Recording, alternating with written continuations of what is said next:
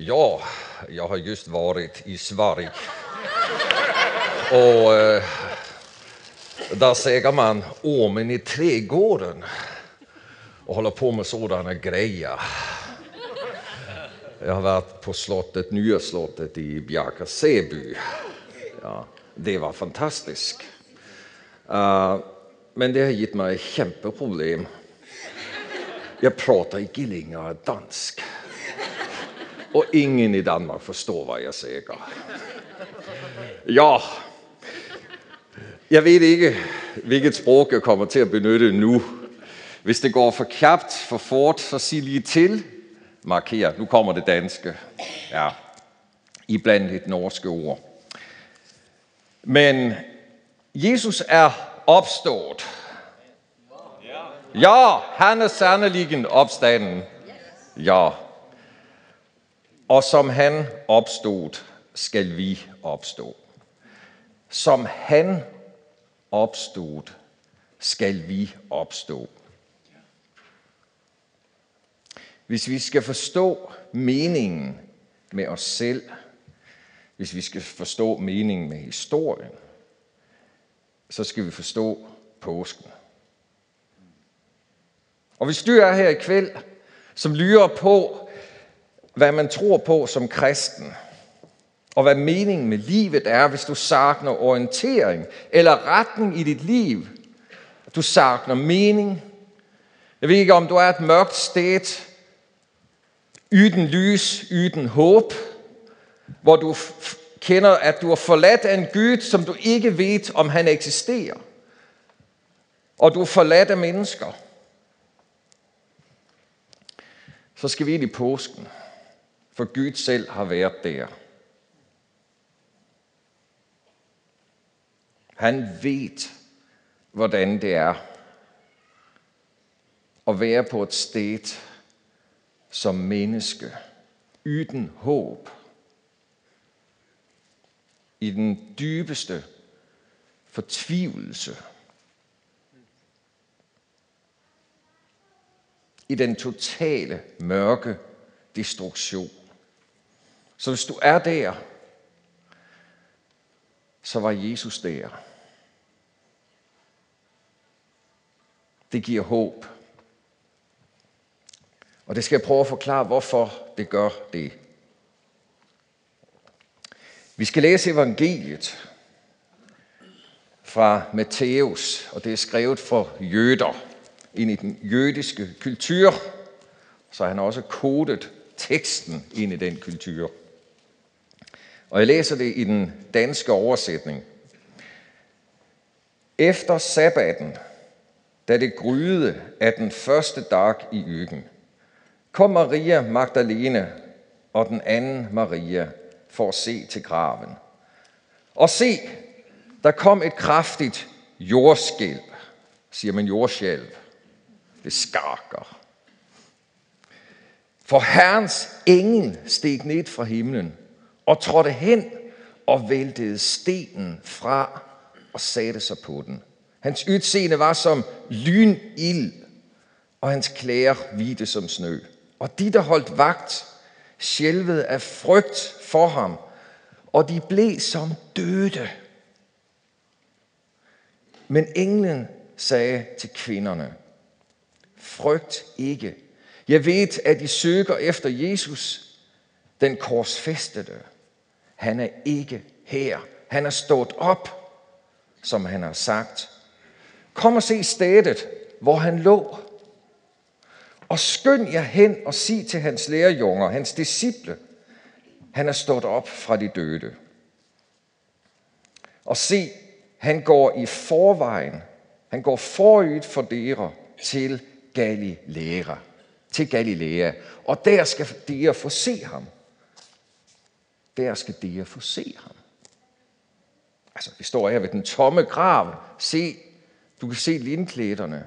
Han er gået ydt, forydt for der til Galilea. Der skal dere få se ham. Nu har jeg sagt det til dig.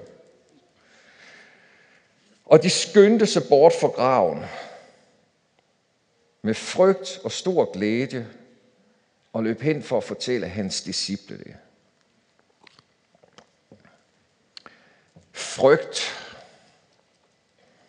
Det var den følelsesmæssige reaktion. Og stor glæde. I psykologien der arbejder vi med fem grundfølelser. Frygt og glæde. Men også vrede og skam og sorg. Kvinderne kom med sorg. Stor sorg. Som en mor, der har mistet sin søn. Den næsten største sorg, vi kender som mennesker. Og de gik derfra med to helt andre grundfølelser. Frygt og glæde.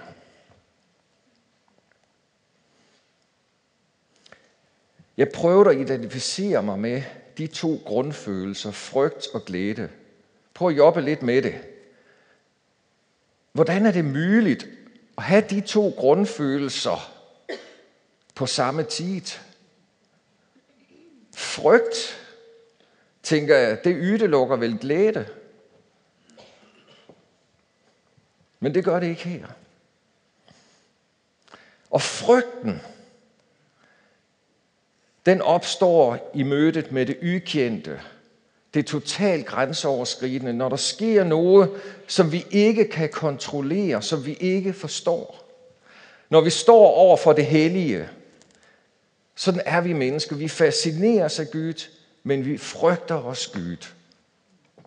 Og glæden, den fylder os, når det, som vi troede, vi har det mistet, det, som absolut ikke var muligt. Det, vi aldrig havde troet kunne lykkes for os. At det sker.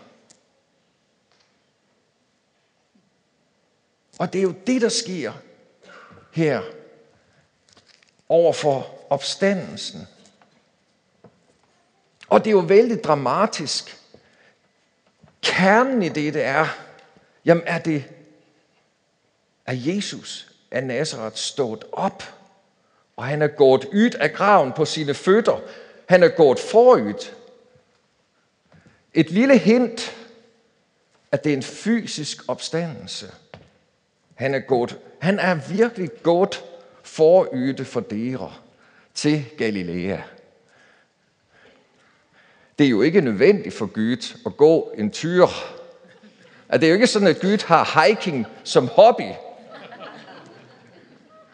Men Gud han kommunicerer i øjenhøjde. Og budskabet er, ja, han er opstanden med kroppen. Han er gået til Galilea. Han er gået hjem, hvor han boede som menneske. Gå hjem til det sted, hvor han kaldte dere og mødte ham på nyt. Sæt på Galileas søbredden Spis fisk med ham. Han er gået hjem. Til dit hjem. Mindblowing. Han er gået forud for det, og vi kan let overse det. Som barn lyrer det altid på, hvad betyder det, at Gud er gået forud? Der er aldrig nogen, der har forklaret mig det. Men det kan jo kun betyde, at Gud har gået på sine fødder.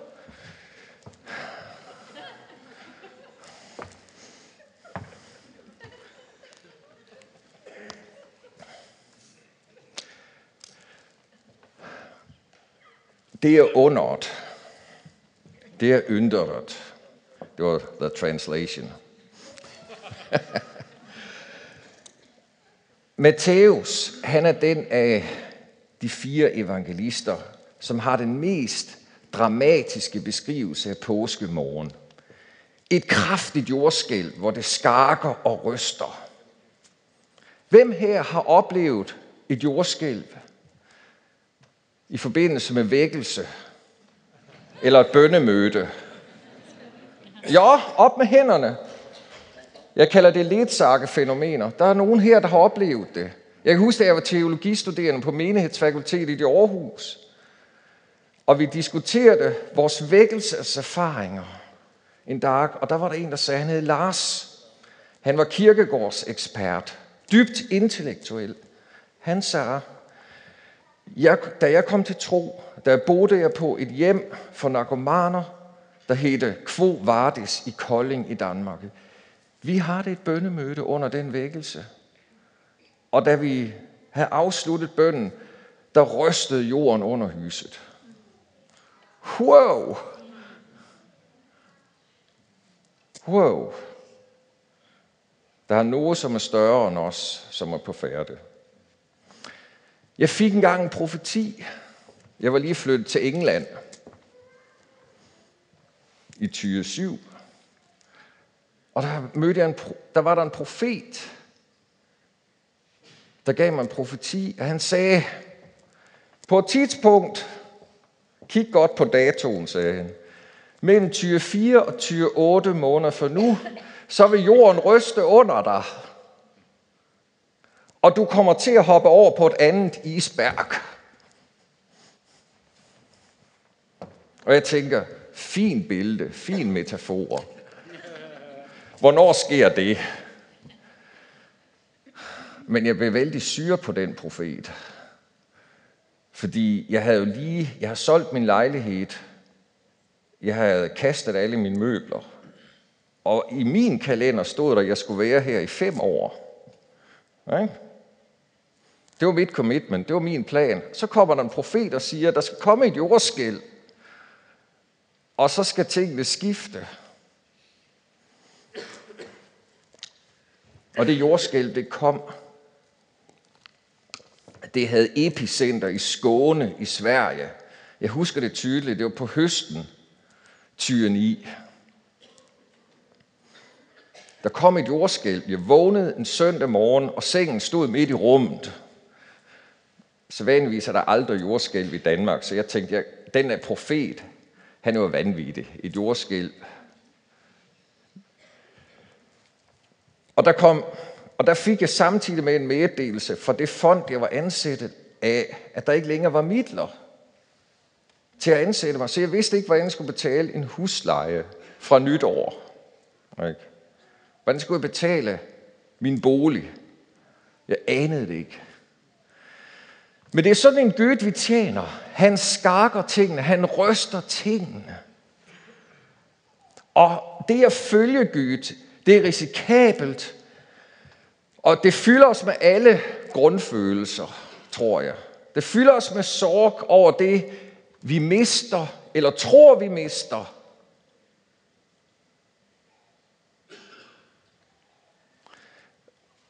Det fylder os med frygt, men det fylder os også med den største glæde. Jeg tror, alle grundfølelser kommer i spil.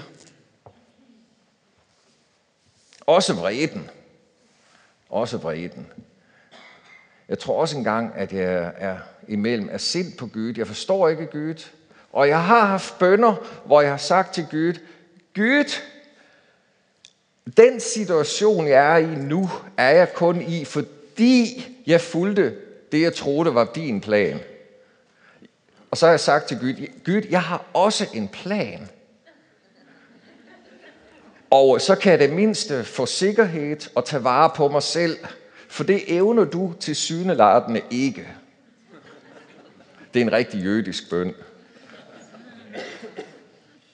Og den slags bønder skal man ikke bede til Gud ret længe, fordi så bliver man taget ind i en retssal, og så begynder Gud at sige noget, som er utrolig ydmygende. Han får altid ret.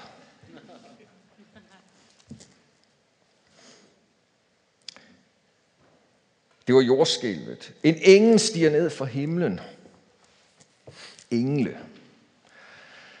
Jo, vælter stenen fra. Vi tænker, engle, det hører til juleaften for småbarner, som er naive. Det tænker vi. Jeg kender en i min menighed. Hun stod i en garte i København og var absolut fortvivlet. Da en engel viste sig for hende og sagde, du skal gå hen i den menighed, og der vil du møde mig. Wow. Jeg har da faktisk ikke rigtig taget engle på alvor i 30 år, da hun sagde det. Er det ikke pinligt?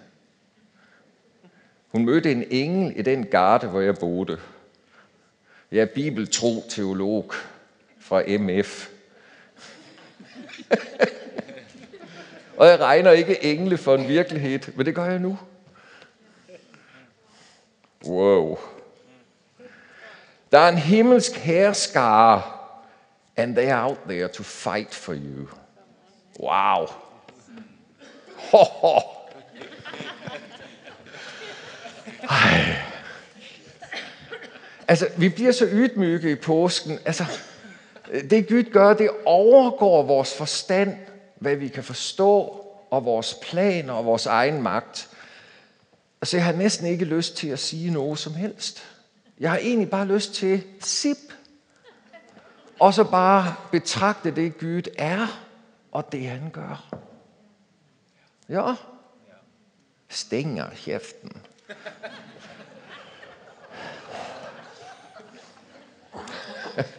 Som man siger i Sverige. Vagterne, store romerske soldater, de ligger som paralyserede, lammet, grænvoksne mænd. Der er dødsstraf for at bryde kejserens sejl på den grav. Og når Gud ryster jorden, og her engle fra himlen viser sig, så ligger de i fysisk afmagt. De stærkeste mænd med tattoos og biceps, de største romerske legionærer, som tænker, Goliat, er det noget?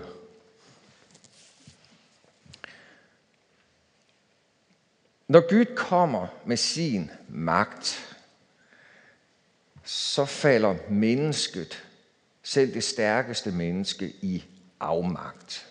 Det ved vi i kirken. Det ved vi i menigheden. Det ved vi i Guds folk. Jeg elsker at læse mystikere i kirkehistorien. Beretninger om nonner og munke, som ligger ydstrakt foran alderet i deres sugne kirker. Og når graveren kommer på kvælden og ringer solen ned, så må de bæres ydt, for de er faldet i afmagt. Når Guds herlighed kommer, så betyder det en bestemt verbal form på hebraisk, at det bliver tungt. Guds nærvær fornemmes som tyngde. Da templet blev indviet i, det gamle, i den gamle pagt, der står der, at Herrens nærvær fyldte templet, så præsterne ikke kunne forrette tjeneste. Og det er en pointe, at Guds virkelighed, Guds natur, har en langt større tyngde, end vi har. Det er derfor, den opstandende, han gik aldrig ind gennem døren. Men pludselig, siger Johannes, så står han midt i blandt dem og lyser sin fred. Fred være med jer. Hvad er det for et læme? Det tror jeg, Trygve kan svare på.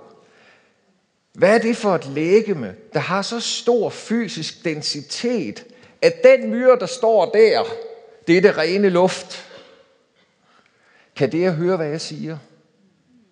Her i vestens kultur, når vi læser den her beretning, så tænker vi, det er naive grejer, det er uvirkeligt, det er legender, det er eventyr. Nej, det er den større virkelighed.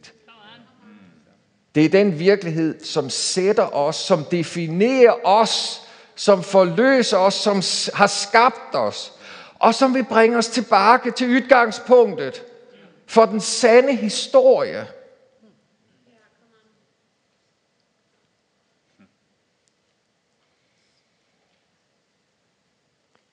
Der skal blive et tidspunkt, hvor vi ser tilbage på det her tidspunkt i historien som et undtag.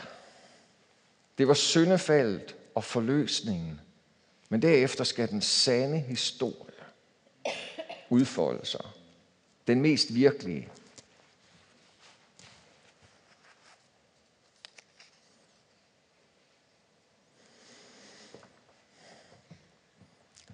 Gud er utrolig ydmyg for at få kommuniceret, hvem han er. Og han siger til kvinderne, som ikke har legitimitet som vidner i en mandsdomineret verden, de bliver opstandelsesvidner. Det er en værdighed til et køn, som er marginaliseret. Det er Guds ydmyghed. Det er også Guds ydmyghed, vi siger, når vi ser Jesus, at han går på sine fødder. Han er universets herre, opretholder alle ting, og han går på sine fødder. Om vi dog kunne fatte, at han er Gud i menneskelig krop. Han er i øjenhøjde.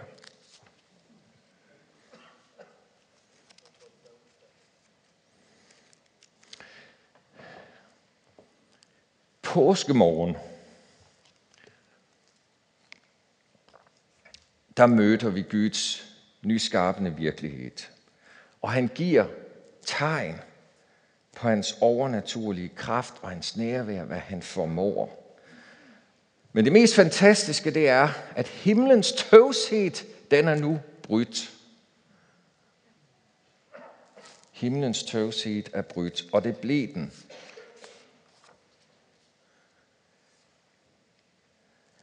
Det er også langfredags tøvsigt, der blev brudt. Det er den frygteligste tøvsigt af alle tøvsider. Det er den tøvsigt, som ikke levner håb.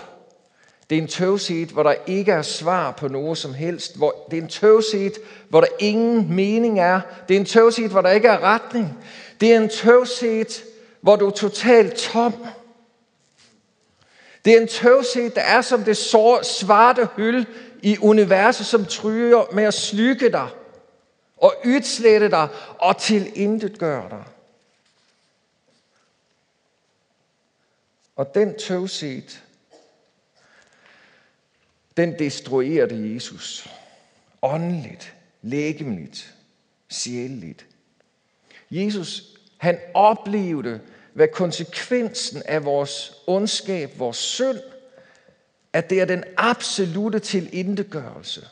Det onde er absurd. Det onde er meningsløst. Fordi det onde er selvdestruktivt efter sit indre væsen. Prøv lige at tænke det igennem. Vi kender det onde fra vores liv, og vi ved, at får det lov at vokse, og vokse og vokse og vokse, så er det selvdestruktivt. Jesus han tager det ondes selvdestruktivitet på sig og det opleves som en tøvs himmel. Det er det sted, hvor Gud ikke er. Det er det sted, hvor Gud ikke siger noget. Det er det sted, hvor Gud ikke giver sig til kende. Det er det sted, hvor der ingen svar er på en bøn, men kun desperation og tomhed. Så selv Jesus, den elskede, sønnen, råber ud, min Gud, min Gud, hvorfor har du forladt mig?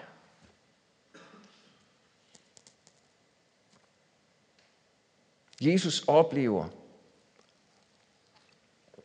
det, som er konsekvensen af, at vi har erklæret Gud for død vores vestlige kultur. Nietzsche erklærte Guds død. I den vestlige kultur, der har vi slået Gud ihjel i vores indre psyke. Vi har valgt tøvsheden.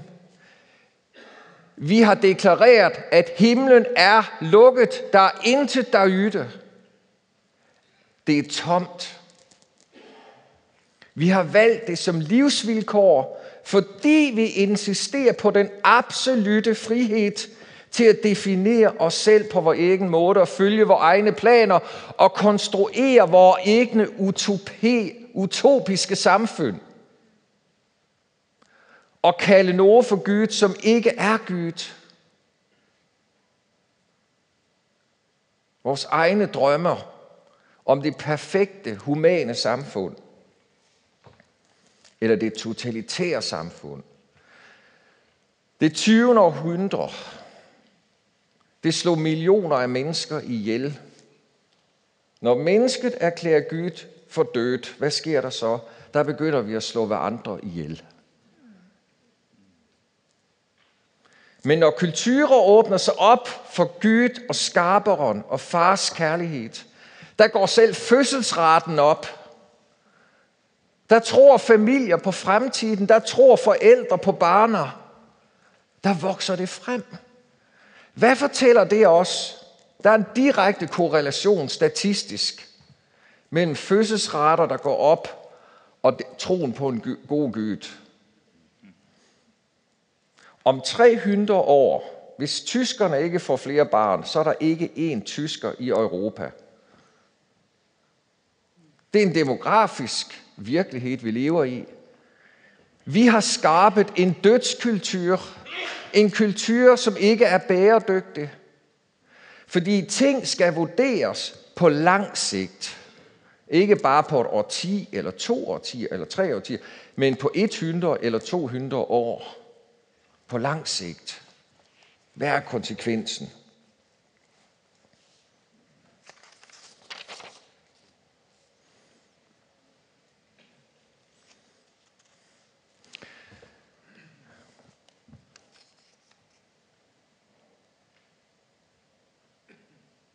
Gud har brudt tøvseten, men han har også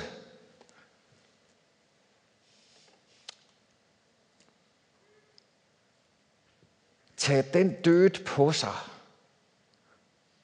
som vi ønskede, at han skulle gennemgå, da han var her. Da Gud var her, der dømte vi ham til døden. Der anklagte vi ham kollektivt.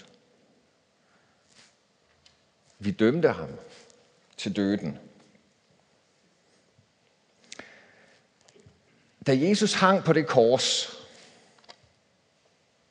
der hånede og spottede verden Gud for hans tøvset, men også for hans afmagt, for hans svaghed.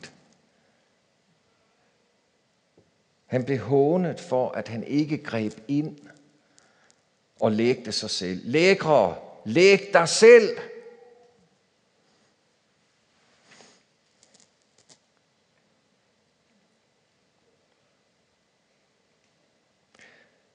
Påskemorgen, der svarer Gud på verdens spot. Men han svarer også på Jesu råb som menneske. Jesu råb som menneske, min Gud, min Gud, hvorfor har du forladt mig? I dødsangsten, i fortvivlelsen, den svarer Gud også på. Min Gud, min Gud, hvorfor har du forladt mig? Gud var der.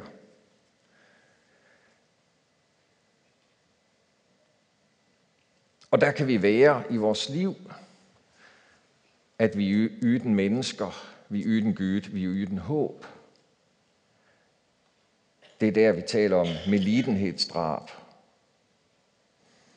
eutanasien, skal jeg ikke hjælpe dig til at dø fra dit elendige liv. Så er det giftsprøjten, vi vælter. Og Europa er ved at glide ind i en dødskultur, og det har en åndelig årsag.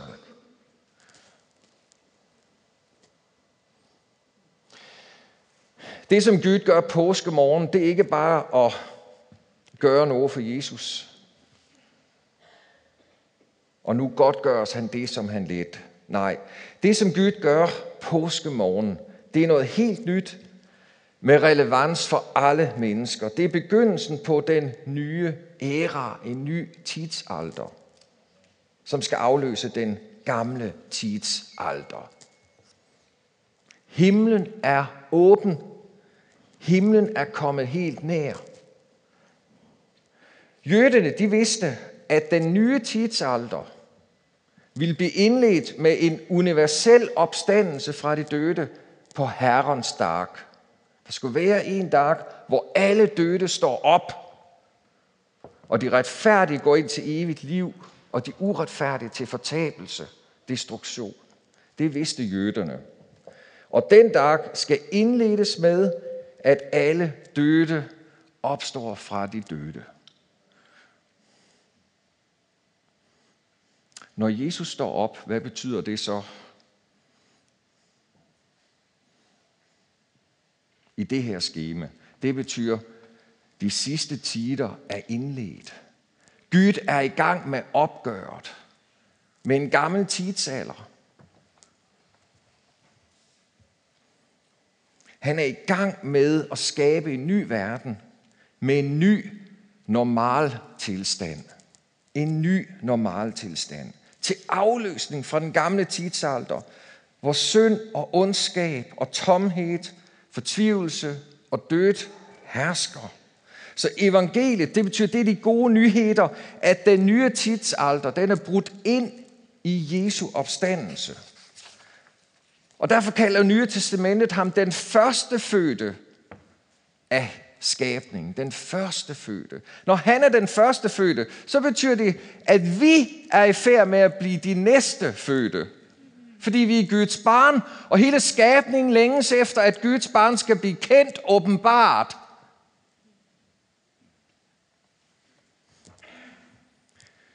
Påske, det betyder, at døden har mistet sin ret til at herske over vores liv. Det betyder, at synden har mistet sin ret til at anklage os for Gud. Som lytter siger, synd er en uskyldig synd. Ikke i sig selv, der er den ond og destruktiv. Men den anklager os ikke over for Gud. Synden begynder at blive yddrivet, overvundet i os. Dæmoniske kræfter har ikke ret til vores lægeme eller vores sjæl. Sygdommer skal blive helbredt.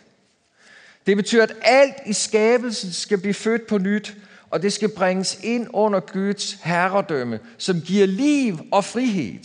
Liv og frihed. Jeg, har ikke, jeg kan ikke forstå, at jeg er vokset op i menighed og kirke, og der er aldrig nogen, der har forklaret mig i en prædiken, hvad Paulus mener, når han i Romerbrevet 5 siger, at Jesus kom for at give os liv og herredømme. Men det er det, det handler om. Liv og herredømme. Når Jesus står op fra de døde, og når han bliver ophøjet til faderens højre hånd, der betyder det noget helt afgørende. Det at blive ophøjet til faderens højre hånd, det gør Jesus for der modtage kongeherredømmet over hele skabelsen i den sidste strid. Og det betyder, at han får del i Guds almagt. Han har al magt i himlen og på jorden. Han får også del i Guds allesteds nærværelse. Guds evne til at være til stede på et hvert sted til enhver tid i alle situationer. Det betyder, at enhver situation, et hvert sted, har et potentiale for Guds rike i sig. Prøv lige at tænke den her tanke. Det at, blive, det at tro på Jesus, det er at blive gjort til et med ham, som har Guds allesteds nærværelse. Al magt, al visdom, al kundskab.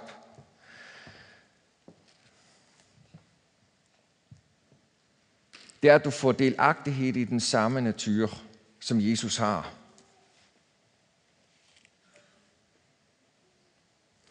Det betyder, at du er knyttet til ham, som er hovedet for hele skabelsen. Og alt det, som ikke er under Jesu kongeherredømme, kan ikke bestå. Det er derfor, det er så vigtigt at blive et med Jesus i ånden. Og det sker der, hvor vi fyldes med den hellige ånd igen og igen og igen. Kender vi de her moments, jeg var på retræte her i Sverige, og den første aften på det her slot, det var bare sådan, yes, open himmel, open heaven, ikke? det står bare. Jeg kunne ikke forlade det rum med Guds nærvær. Jeg må bare være der. Og da jeg sad og drak kaffe etterpå, så tænkte jeg, hvor er det godt, at vi har en god Gud. som er overstrømmende. Og, og lige der, der havde det bare sådan, der var ingen modstand imod mig, i mig, imod Gud. Men der var, det var ham, der bare fyldte. Og alting var så enkelt. Ja, selvfølgelig Gud. Jeg ønsker kun at gøre det, du vil. Ikke? Det der, når vi er helt forklaret, eller alt bliver så enkelt. Vi bliver os selv. Alt falder på plads. Og der er ingen pris, der er for høj. Og det er jo kampen i os, at vi kender jo til vi kender til indre kamp, vi kender til ambiguity, hvad vi siger på det? Tvetydigheden. Tvetydigheden. Vi kender tvetydigheden i os. Vi kender ulyst til Gud. Ej, nu giver det ikke at tilbe Gud, ikke? Eller vi... Og jeg tænker, hvor er det fantastisk, at vi har en Gud, som på trods af vores tvetydighed, elsker os fuldkomment. Den danske dogmatiker Regen Printer, han sagde noget i sin kæmpe grammatik, som er dansk skrevet med tysk syntaks. Men der skrev han en sætning, som ramte mig som ung student. Hvordan kan vi vide, at Gud har forsonet os med sig. Hvordan kan vi vide, at Gud har forsonet os med sig selv? Det kan vi vide, fordi han virker i blandt os og giver os af sin ånd. Wow. Gud gør ikke bare ydre tegn. Jeg tror, de ydre tegn, når han ryster jorden og sender engle og gør yndre, så er det for, at vi skal det er lokkemart. Det er en krog i ormen, som skal drages ind i hans kærlighed, hvor vi bliver mystikere. Og lige pludselig så bliver tegnene måske mindre vigtige. Så opdager, opdager vi, at det er Guds fars kærlighed, som er det helt afgørende. At vi er forsonet med vores far og skarpere. Og så opstår der en helt særlig sorg. En sorg over alle de gange, jeg ikke har sagt ja til Gud. Alt det, jeg har spildt i mit liv. Og det er det, der sker i vækkelsen. Der gråter mennesker, der gråter vi over os selv, som den fortabte sønnen, den forlorte sonen. Ikke? Vi gråter over os selv, alt det, som var så fantastisk, og som vi var optaget af, og som forførte os, nu gråter vi over det, og vi tænker, jamen det var jo ingenting. Det var jo ingenting.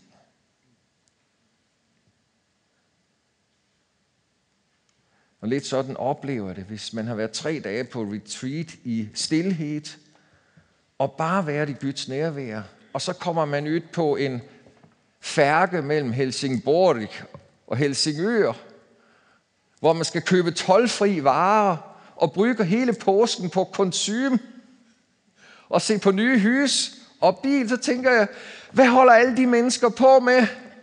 Den absolute tomhed. Det er galent.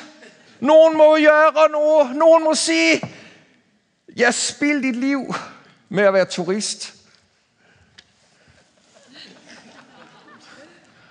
Puh.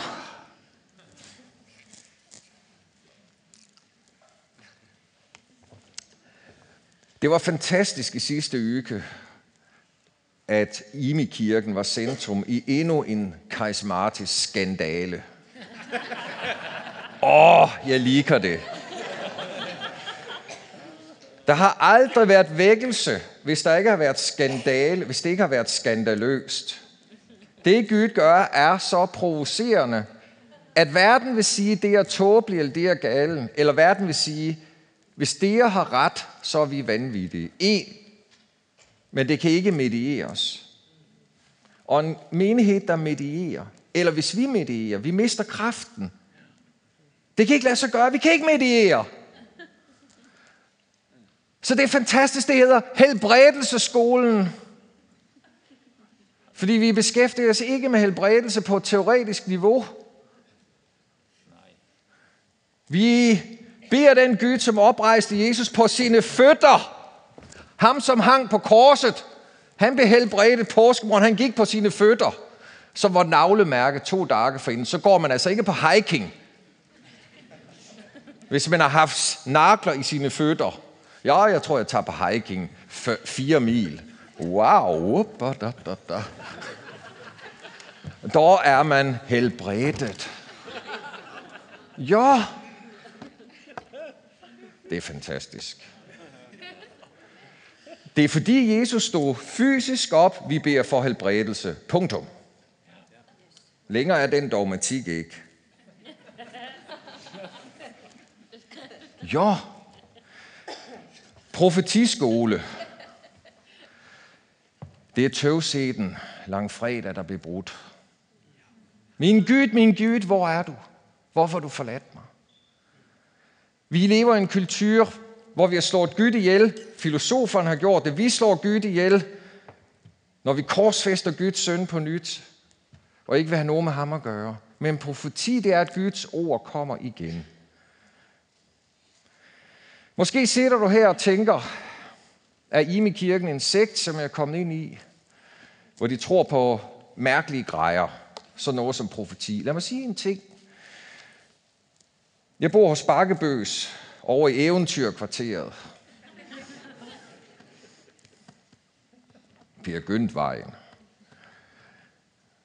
Og øh, jeg spurgte Norøn, som også er her på stab, efter hun har været i Reading Bethel Church. Nå, hvad skete der der? Jeg tror, det var tre år siden. Øh, hvad oplevede du der? Jeg kendte ikke Reading på det tidspunkt. Ja, sagde hun. Øh, hun havde optaget en profeti her på MP3. Den kunne jeg da høre. Okay. Så var der en profet. Jeg håber, det er i orden, Norøn. Ja.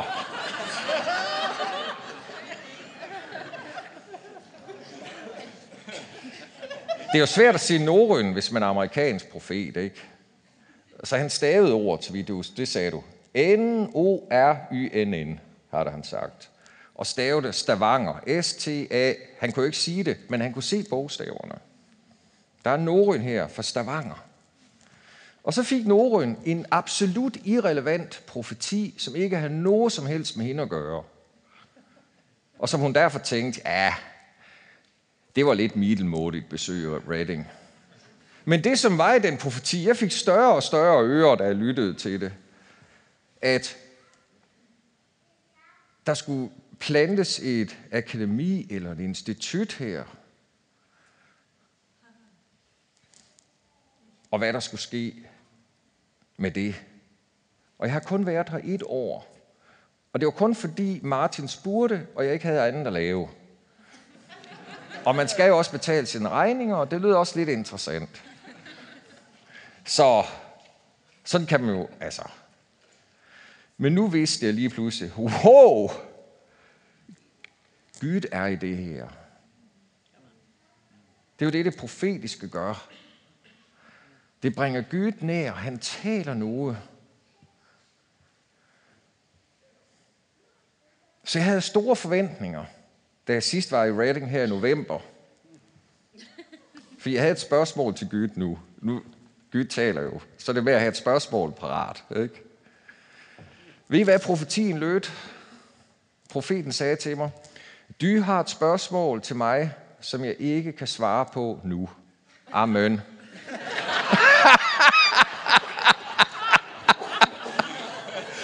hey!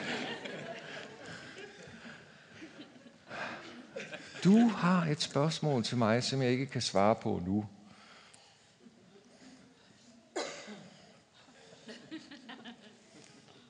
Det er fedt at være karismatiker. Put on hold.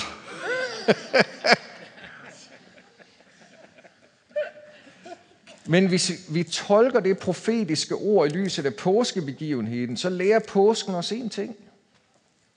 Er du villig til at stå foran Pilatus og blive anklaget af verden og repræsentanter for myndighederne, som ikke forstår dig? Er du villig til at blive anklaget af alle de religiøst acceptable, jøderne, der anklager dig? Er du villig til at dø fuldstændig væk for dit, for dit egen trang til kontrol? Dø væk for din egen plan og overgive sig til en plan. Altså jeg ved, i folkeskolen kender det her tillidsøvelserne. Tillidsøvelser, man skal falde bagover. Det er jo præcis det, vi gør i dåben. I dåben dør vi med Kristus, vi falder bak over. Og hvis der ikke er nogen, der løfter dig op, så drukner du. Killed by baptism.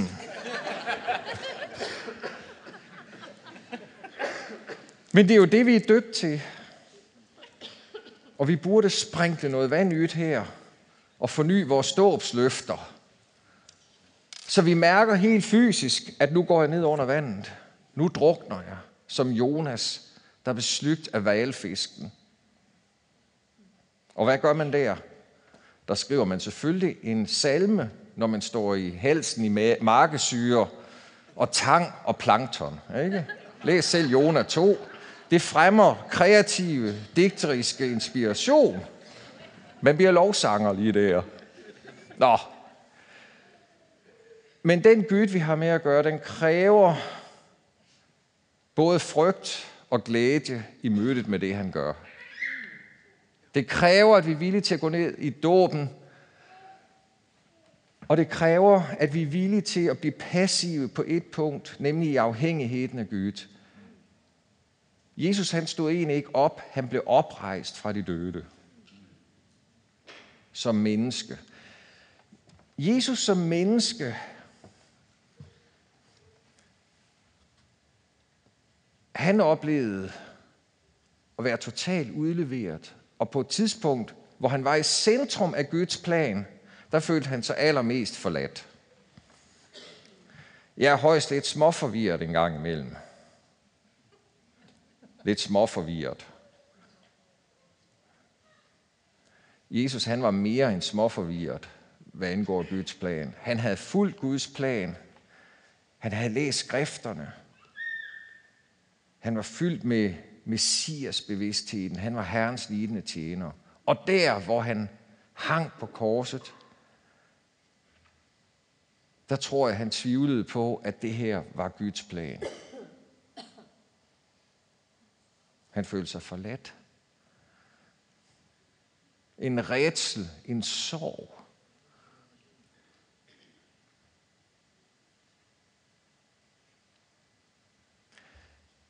Men i påsken, der ser vi, hvordan Gud handler med os. At vi er, han vil oprejse os til et nyt liv. Men det er ikke sådan en, et lykkeevangelium, evangelium men det er noget at gøre med at dø og opstå. Jeg vil lige læse den sidste tekst, så slutter vi af der. Fordi hvordan skal vi... Det er en tekst, der handler om kristne, som lever i lidelse og forfølgelse og vanskeligheder. Så skriver apostlen Peter, ham som er opstandelsesvidne, så skriver han sådan her – Gud, og det siger han til dig som er lidende, dig som tvivler på, om du er i Guds plan, du som spørger, hvad siger Gud, hvad har Gud til mig i mit liv?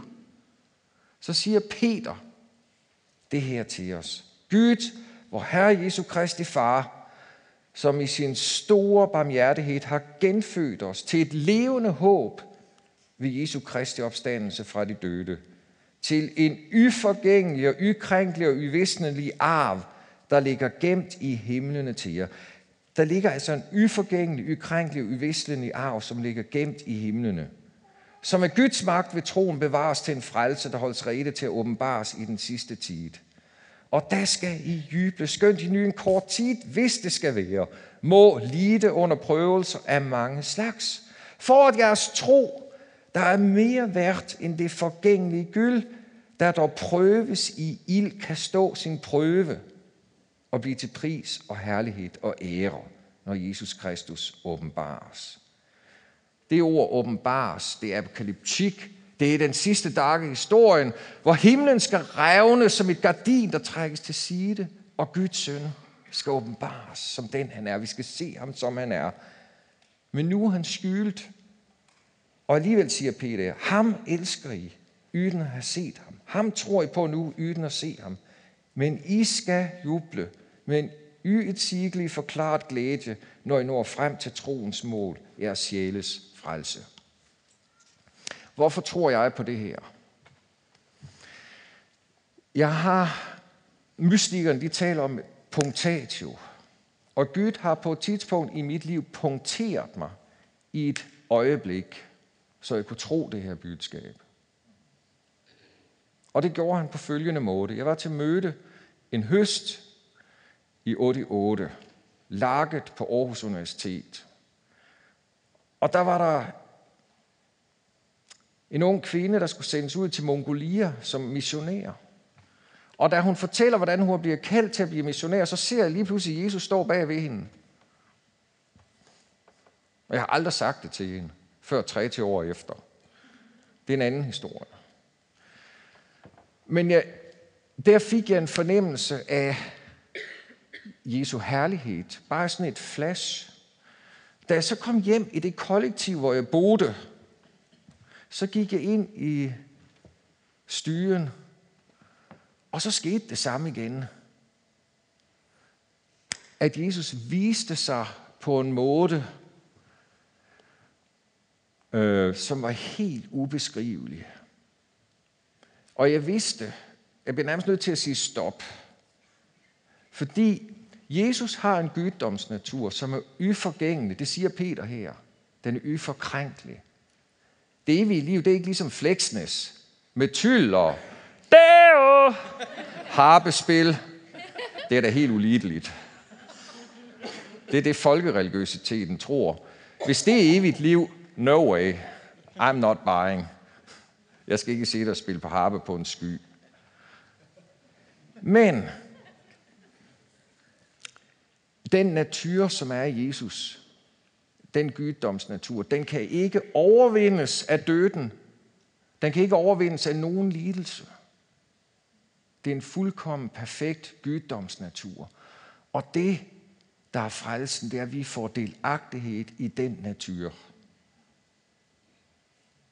Og det er en fantastisk natur. Man kan ikke skelne mellem det fysiske og det sjælelige. Bare for at nævne et eksempel. Den kærlighed, som er i den guddomsnatur, den er som flytende lava. Og når, og når den vælger ind i dig, så oplever du, at det er ligesom you're overpowered. Du er sådan en transformatorstation. Og du ved, at du vil brænde op, hvis Gud gav fyldt skryge på, hvem han er. Gud må skylde sig for det forkrænkelige, syndige menneske. For hvis han lavede et fuldstændig power display af, hvem han var, så vil jeg gå til grunde, jeg vil blive til intet gjort. Jeg må være i Kristus. Jeg må være i Jesus. Og den natur fik Jesus del i, og jeg vidste, det er derfor, jeg tror på det her. Han viste mig i et kort flash sin guddomsnatur. Det var akkurat som på bjerget Taber, hvor Jesu klæder lyste helt fosforhvidt, hvor guddomsnaturen radierede ydt gennem klæder, som om de har fået for meget fosfor i vask. Og folk tænker, ja det er, altså når man læser den slags historie på universitetet, jeg kan huske professorer, der stod og spotte, også Pøvlus, der blev af hesten og så den opstande Jesus på vej til Damaskus. Han blev slået af hesten, han var blind i tre dager. Han mødte Jesus, så han ikke kunne se. Det er den Jesus, vi tjener. Så hvis du er her, som ikke har overgivet dit liv til Jesus, så vil jeg give dig den udfordring. Tør du at lade være med at sige ja til ham?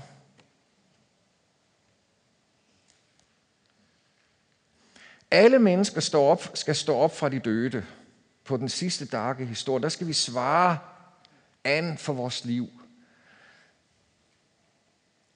Og der skal vi, vores liv ses i Guds lys. Og den retfærdighed, som Jesus købte på sit kors, det betyder, at du kan få al forlåtelse, tilgivelse for alt det, som skiller dig, for at gå ind i den sande, din sande natur. Du kan få evigt liv.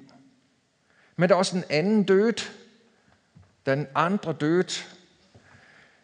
Og jeg har ikke lyst til at stå foran Gud på den sidste dag og være blevet opvagt fra de døde, og så skal dø igen. Men det er den andre død, som er uafvendelig. Den taler Johannes om i apokalypsen i sin åbenbaring. Det er den andre død. Gud er en gentleman. Han tilbyder os en frelse, men han tvinger os ikke. Han tvinger os ikke. Men han er uendelig god, at han har givet en tid i historien, hvor den nye tidsalder er brudt ind med helbredelse og profeti og englebesøg og jordskælv og vækkelser og nådetider, hvor vi får en chance for at omvende os til ham. Og, hvor, og samtidig med lever vi i den gamle tidsalder med lidelse og kræft og tab og fejlbeslut. Hvordan skal vi næsten tolke, hvad som sker? Det kan vi kun, hvis vi går ned og dør med Kristus og lader Gud opvække os. Det er historiens gang. Al historie ender i en opvækkelse enten til død eller til liv.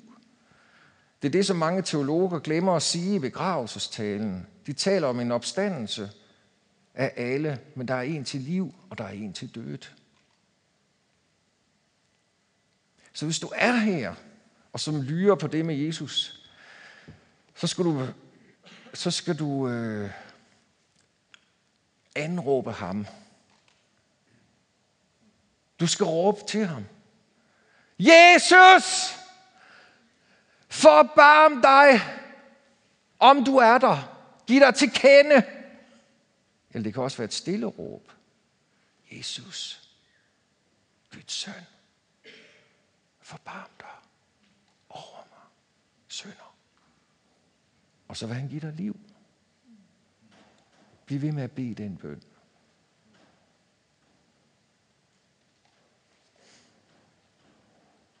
Så jeg tror, der er nogen her, der skal svare på et kald.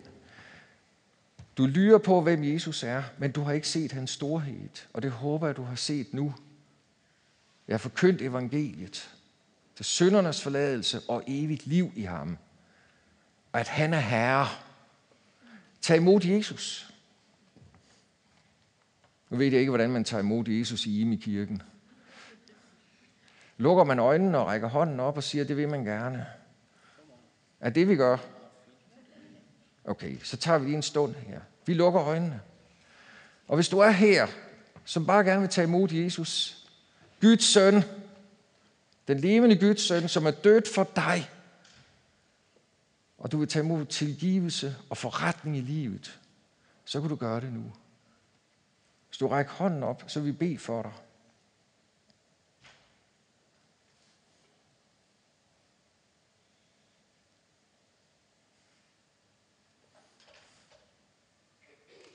Og så skal han fylde dig med sin natur, sit nærvær.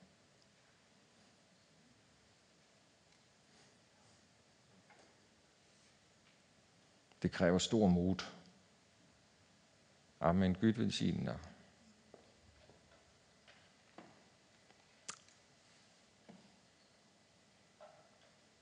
Gud ser dig.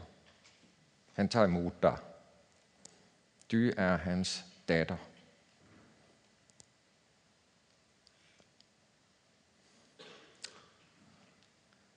Jesus, og du kan gentage den her bøn efter mig i dit indre. Jesus, tak, at du døde for mig. Tak, at du døde for mine synder. Tak, at intet nu kan skille mig for din kærlighed. Tak, at jeg er dybt elsket af dig. Gud, jeg ønsker at blive født på nyt. Fyld mig med din helige ande. Hellige ånd. Jesus, du skal være min herre. Hjælp mig til at stole på dig i alle omstændigheder hver dag. Herre, jeg kan ikke tro, med mindre du giver mig tro. Herre, jeg kan ikke frelse mig selv, med mindre du frelser. Amen.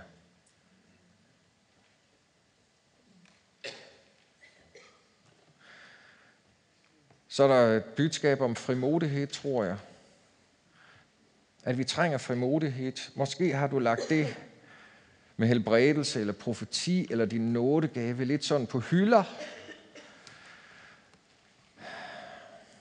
Måske er den tid til at se, hvor stor Jesus er. Og så sige, Jesus, det er jo all in. It's all in. Måske noget, du holder tilbage for ham. Noget, som du har gjort for ham. Noget, han kalder dig til. Måske er du skuffet, fordi du oplever et personligt langfredagsmørke. Gud, hvor er du? Hvad er din plan? Men du skal vide, at Jesus var der. Det kan være, at din tro prøves, men den skal blive som ren gyld. Men det er vigtigt i langfredag, også at komme til Gud. Og begynde at bede igen. Måske er du stoppet med at bede det, fordi Gud skuffer dig.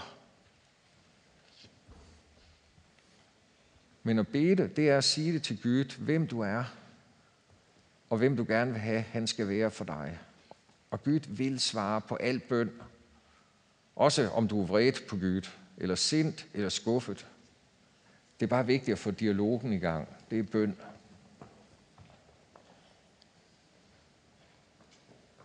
Ja. Og så er der fejringen, den store glæde, som jeg tænker, det vil Øjstein også lede os ind i.